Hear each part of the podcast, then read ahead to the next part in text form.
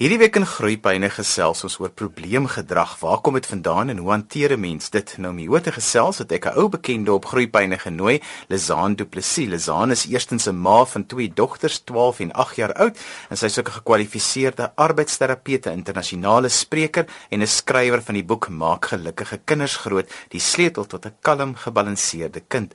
Lizaan het 'n passie om ouers en onderwysers te help om kinders se unieke temperamente te verstaan, en wanneer ons dit verstaan, dan kan ons hulle ontwikkeling ondersteun, daaglikse uitdagings hanteer en sterk verhoudings vorm. Sy bemoedig en rus ouers toe en ook onderwysers om doelgerig te wees. Nou Lizaan se blok is www.lizaanduplessis.com en dis die plek waar sy skryf en haar kennis en inspirasie deel en natuurlik het sy ook nou 'n nuwe Afrikaanse Facebook bladsy wat sy noem Doelgerigte Ouerskap waar jy ook meer inligting kan kry oor hoe om jou kinders groot te maak. Lizaan, welkom terug by Groepyne. Dankie Johan, heerlik om hier te wees.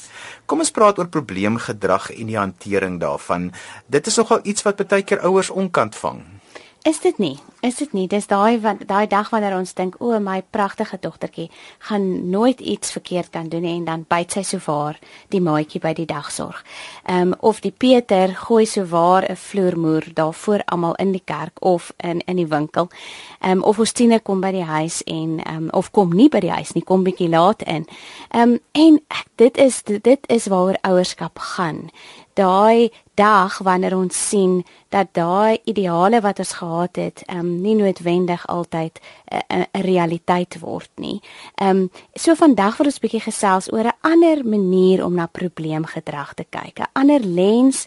Ehm um, en ek wil ook vir ouers gerus stel en sê dat In elke huis, maak nie saak wie of wat jy is nie, gaan daar op 'n stadium uitdagende gedrag sy kop uitsteek. Um en dit beteken dat daar is nie 'n perfekte huis of 'n perfekte ouer of 'n perfekte kind nie. Um En as ons dit weet, dan voel ons sommer so 'n klein bietjie minder angstig wanneer die probleemgedrag wel eendag hulle kop uitsteek. Die ander ding is die tweede aspek van uitdagende gedrag is dat die feit dat ons moet besef dat daar altyd, maar altyd 'n rede is waarom ons en ons kinders optree soos ons optree. Met ander woorde, deur die manier wat ons optree, wil ons kommunikeer spesifiek ook met kleiner kinders wat dalk nog nie in staat is om te verbaliseer of te sê hoe hulle voel nie. So as ons terugsit baie keer en net kyk en net sien en net wonder, ons wag en ons wonder en ons kyk en ons sê vir onsself dat daar 'n rede is vir hierdie gedrag, maak dit ook vir ons baie keer makliker om om 'n oplossing te kry of 'n manier te kry om dit te hanteer. Daar kan 'n magtomredes wees waarom ons kleuter 'n woede uitbarsting kry as jy hom vra om sy skoene aan te trek. Jy weet dalk sukkel hy met die fisiese aantrek van sy skoene as gevolg van motoriese beplanningsprobleme. Dalk is hy moeg of dalk is sy bloedsuikervlak gedaal. Dalk voel hy 'n tekort aan liefde en geborgenheid. Ek sê nie dat 'n woedeuitbarsting die regte manier is om te reageer nie. Ek sê net dat daar altyd 'n rede is vir die gedrag. En as ouers, as ons soms net kan terugsit en kan kyk, sal dit vir ons nie net vaardighede gee nie, maar ook ehm um, insig gee in die redes vir die gedrag. So wat is die oorsprong van uitdagende gedrag by kinders? Johan, daar is natuurlik 'n magdom redes of moontlike oorspronge van uitdagende gedrag. Maar kom ons kyk net vandag na die na die mees basiese um moontlike redes vir uitdagende gedrag. En ons begin by die eerste een wat veral by 'n jonger kind um van toepassing is. Maar ek wil eintlik ook nie die tiener en die ouer kinders uitsluit nie en dit is moegheid. 'n Moe kind is 'n moeilike kind. Uh, ons weet wat 'n tekort aan slaap um aan ons breine doen. Ons weet wat dit aan um aan ons buierigheid doen. Ons weet dat wanneer ons te min slaap of wanneer ons nou gereed is om te slaap en ons kom nog nie daarby uit om te slaap nie, dat um, ons meer prikkelbaar is, dat ons frustrasie hoër is, dat hierdie kinders swak konsentreer um, en die gevolg daarvan kan iets enige iets wees um soos 'n tantrum, soos 'n meltdown, 'n um 'n ineenstorting, selfs al is dit net om iemand te slaan of om blokkies neer te gooi, watter gedrag dit ook al is, al is dit net om weg te kyk wanneer jy 'n instruksie gee en hulle doen dit nie, um al daai tipe gedrag, ehm um, moet ons eerstens na gaan kyk, is dit nie dalk moegheid nie? Is my kind nie het my kind nie dalk nou 'n slaapie nodig nie of is dit nie dalk 'n geval dat my kind herhaaldelik vir vorige paar nagte nie genoeg geslaap het nie? Wat is die verskil tussen moegheid en oorgestimuleerd te wees? Mm, dit is 'n goeie vraag.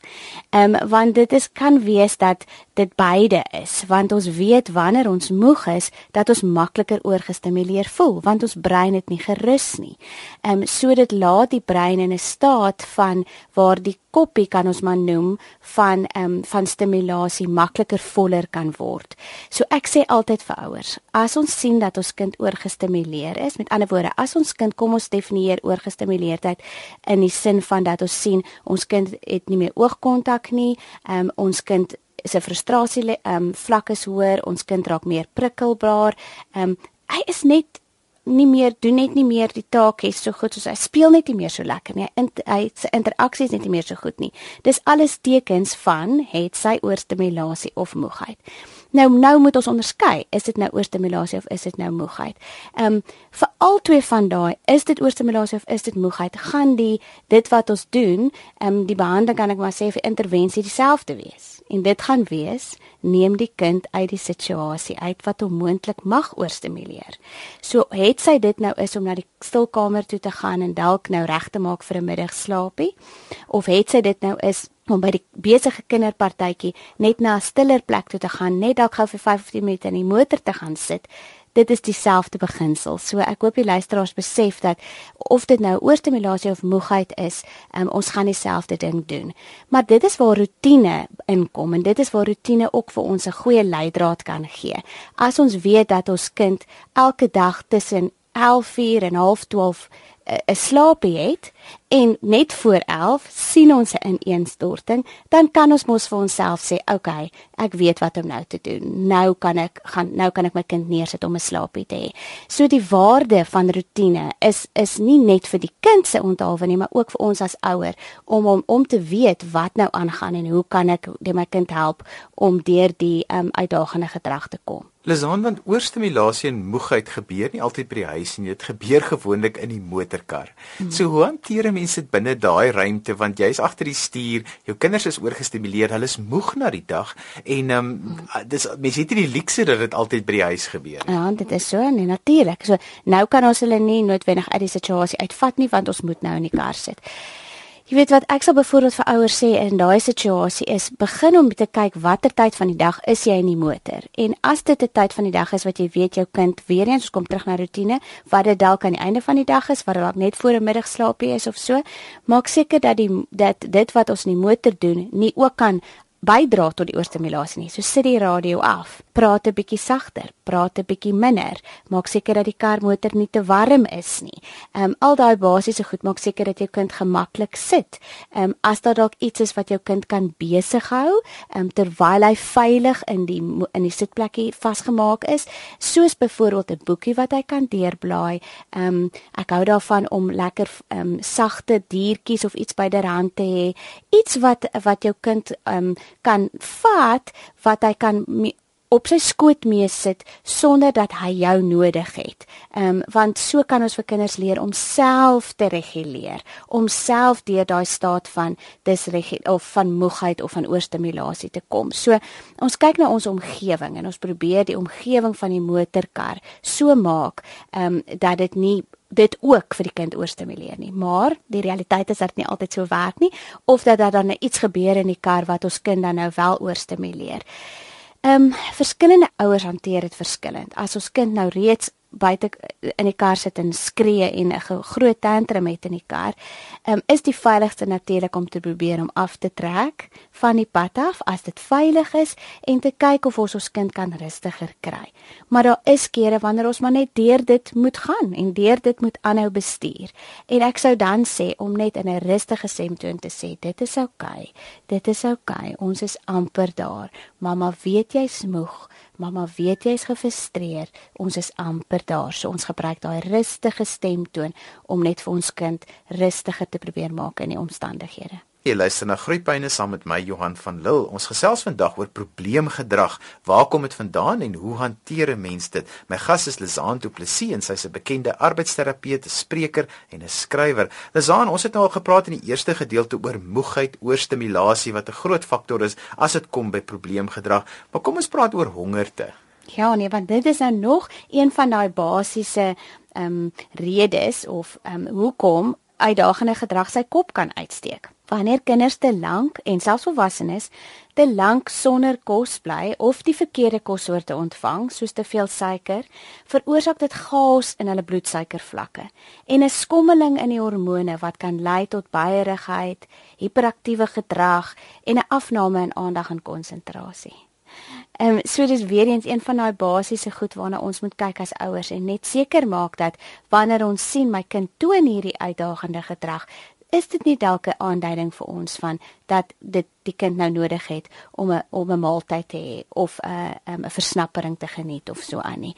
Ehm um, en ek is nie 'n dieetkundige nie, maar daar is soveel verskillende ehm um, goeie goeie bronne daar buite wat vir ons kan lei en vir ons te wys hoe kan ons watter tipe kossoorte ons kinders nodig het sodat ons hulle bloedsuikervlakke bietjie meer gelykmatig deur die loop van die dag kan hou. Maar ek wil net vir ouers herinner dat selfs so klein ietsie soos ehm, 'n um, klein bietjie hongerte of 'n bloedsuikervlak wat net sak kan baierigheid veroorsaak. Dit kan 'n tekort aan konsentrasie veroorsaak. So dit is nie noodwendig 'n verskriklike emosionele probleem waarmee ons sit nie. Kom ons spreek daai basiese ding van hongerte en 'n bloedsuiker vlak wat skommel aan. Ehm um, en daar baie keer se kan dit die antwoord wees op op op uitdagende gedrag. Dis dan maar 'n ander oorsprong van probleemgedrag is ook baie keer 'n jong onvolwasse brein. Dit is so. Jong kinders se breine is nog onder konstruksie.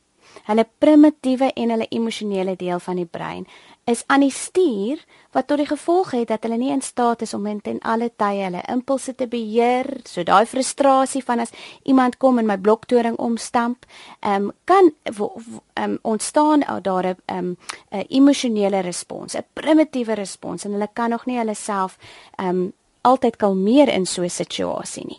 So ons moet altyd onthou dat veral met ons kinders onder 5 dat die brein nog onder konstruksie is. Dat alles wat ons sal wil hê hulle moet doen, daai van sit terug, ehm um, wees wees geduldig, moenie net sommer vir iemand skree of iemand slaan nie. Ehm um, dit is nog nie iets wat hierdie klein kind altyd in staat is om self te doen nie. Om mee te begin, hulle is nie seker wat is die emosie wat hulle ervaar nie as iemand hulle bloktoring omstamp nie. Ehm um, is dit die teleurstelling van dat hy of dat ek self my bloktoring omstamp? Is dit die teleurstelling van hierdie ding werk nou nie uit nie? Is dit die frustrasie omdat ek so lank daaraan gebou het en en nou stamp iemand dit net om? Ehm um, so ons as ouers moet vir kinders help om van daai oorweldigende emosie wat wat hulle nog moet leer ken om daarvan sin te maak. Ehm um, en dan natuurlik vir 'n maniere te kry van hoe om te reageer. Nooit nooit die deksel op emosies sit nie. Dit is nie verkeerd om gefrustreerd te voel nie. Dit is nie verkeerd om kwaad te voel nie. Dis egter wat ons doen met daai emosie ehm um, wat baie keer die probleem kan wees. Maar vir die jong kind moet ons geduldig wees. Ons moet by hulle wees en ons moet hulle help om hierdie proses van selfregulering um, te leer en hoe om dit te bemeester en dit gebeur eers later. Daar's baie uitdagings rondom kinders se sensoriese temperamente. Verduidelik gou dit vir ons. Ons het al van tevore daaroor gesels Johan, maar net kortliks. 'n Sensoriese temperament is daai ehm um, daai unieke temperament van wat jy en jou kind het. En as ons spesifiek van 'n sensoriese temperament ehm um, praat, dan verwys ons na die ehm um, wat ons noem die drempel wat in ons breine neurologies is om sensoriese insette te hanteer. Party van ons het 'n lae drempel. Dit beteken dat ons maklik oorgestimuleer voel en ek vergelyk dit baie met krimpvarkies, want krimpvarkies is daai daai daai diertjies in die natuur wat klein is en as hulle gestres raak of onder druk kom, dan sal hulle in 'n klein balletjie rol. Met ander woorde, wat ons sien met die kinders is hulle vermy die situasie of hulle kan hulle penne uitsteek so hulle kan aggressief raak. Ehm um, dan het ons aan die ander kant ook die drempel wat baie hoog is en ek vergelyk hulle met kameelperde. Dit is hierdie kinders wat rustig is. Dit maak nie eintlik saak hoe besig die omgewing lank hulle langs hulle is nie. Dit maak nie saak wat aktiwiteite hulle doen nie. Hulle is baie rustig. Hulle kom maklik in 'n rotine Ehm um, en hulle is kinders wat gewoonlik nie vir ons as ouers en vir onderwysers altyd uitdaag met uitdagende gedrag nie, want hulle is hulle is relatief die ons makliker kinders. Ehm um, en dan het ons ons apies en ons apies is daardie drempel wat amper nooit vol word nie. So heeltyd uit en soekend na net nog meer, meer beweging, meer tas, um, meer geraas, meer insette. Um, so ons sien dat sommige kinders se sensoriese tuintjies um, in hulle breine verskil.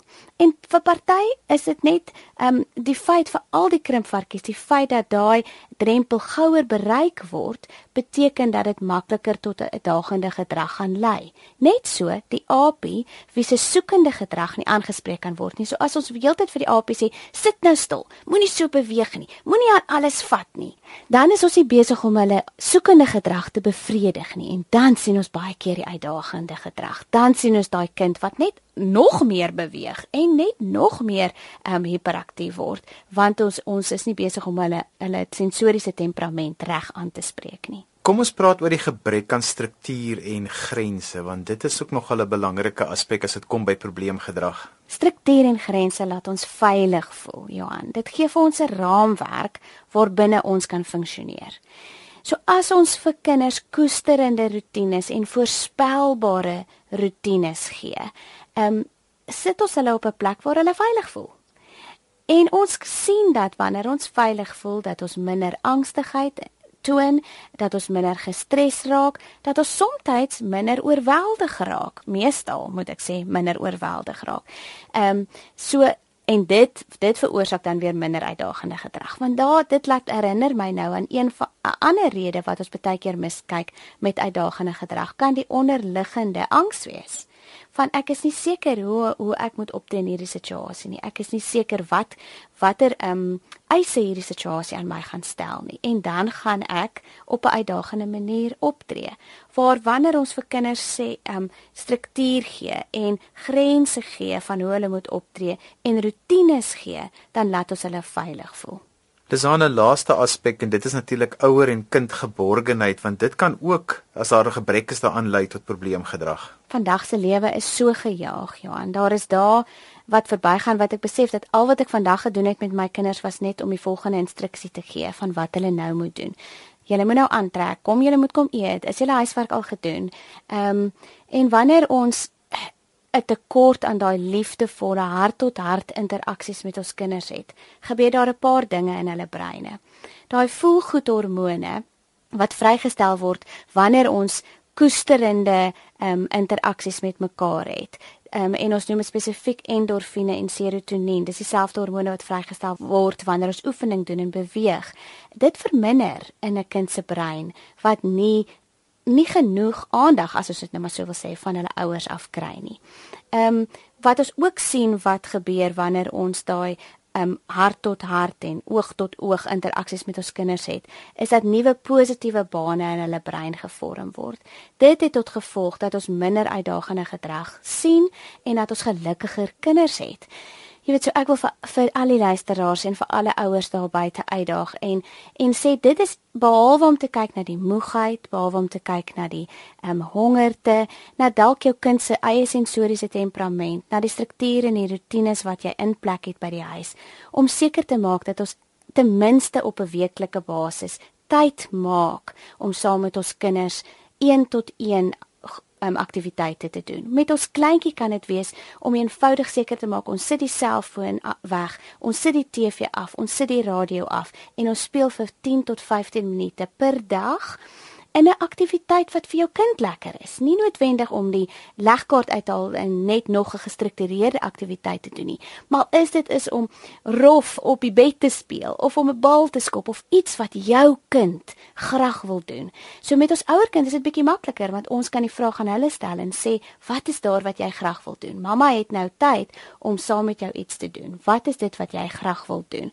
Ehm um, en as as dit die plek is waar ons gaan begin om in ons ons kinders se emosionele denke vol te maak deur hierdie liefdevolle interaksies wil ek soort van sê dat ek daar is 100% ehm, 'n um, verbetering in uitdagende gedrag. Kom ons sluit af met 'n paar wenke vir ouers oor die hantering van probleemgedrag. Kom ons spandeer tyd met ons kind. Koestering van tyd is ons grootste gawe, maar die tekort daaraan is ook ons grootste vyand. Ehm um, en dan die ander ding is om te wag en te wonder. Wanneer ons sien dat uitdagende gedrag sy kop uitsteek, om voor ons sommer net inspring en sommer die die ding so gou as moontlik ehm um, uit die weg te ruim om net 'n bietjie terug te sit en te onthou dat probleemgedrag, uitdagende gedrag is gewoonlik ons kinders se manier om iets vir ons te kommunikeer.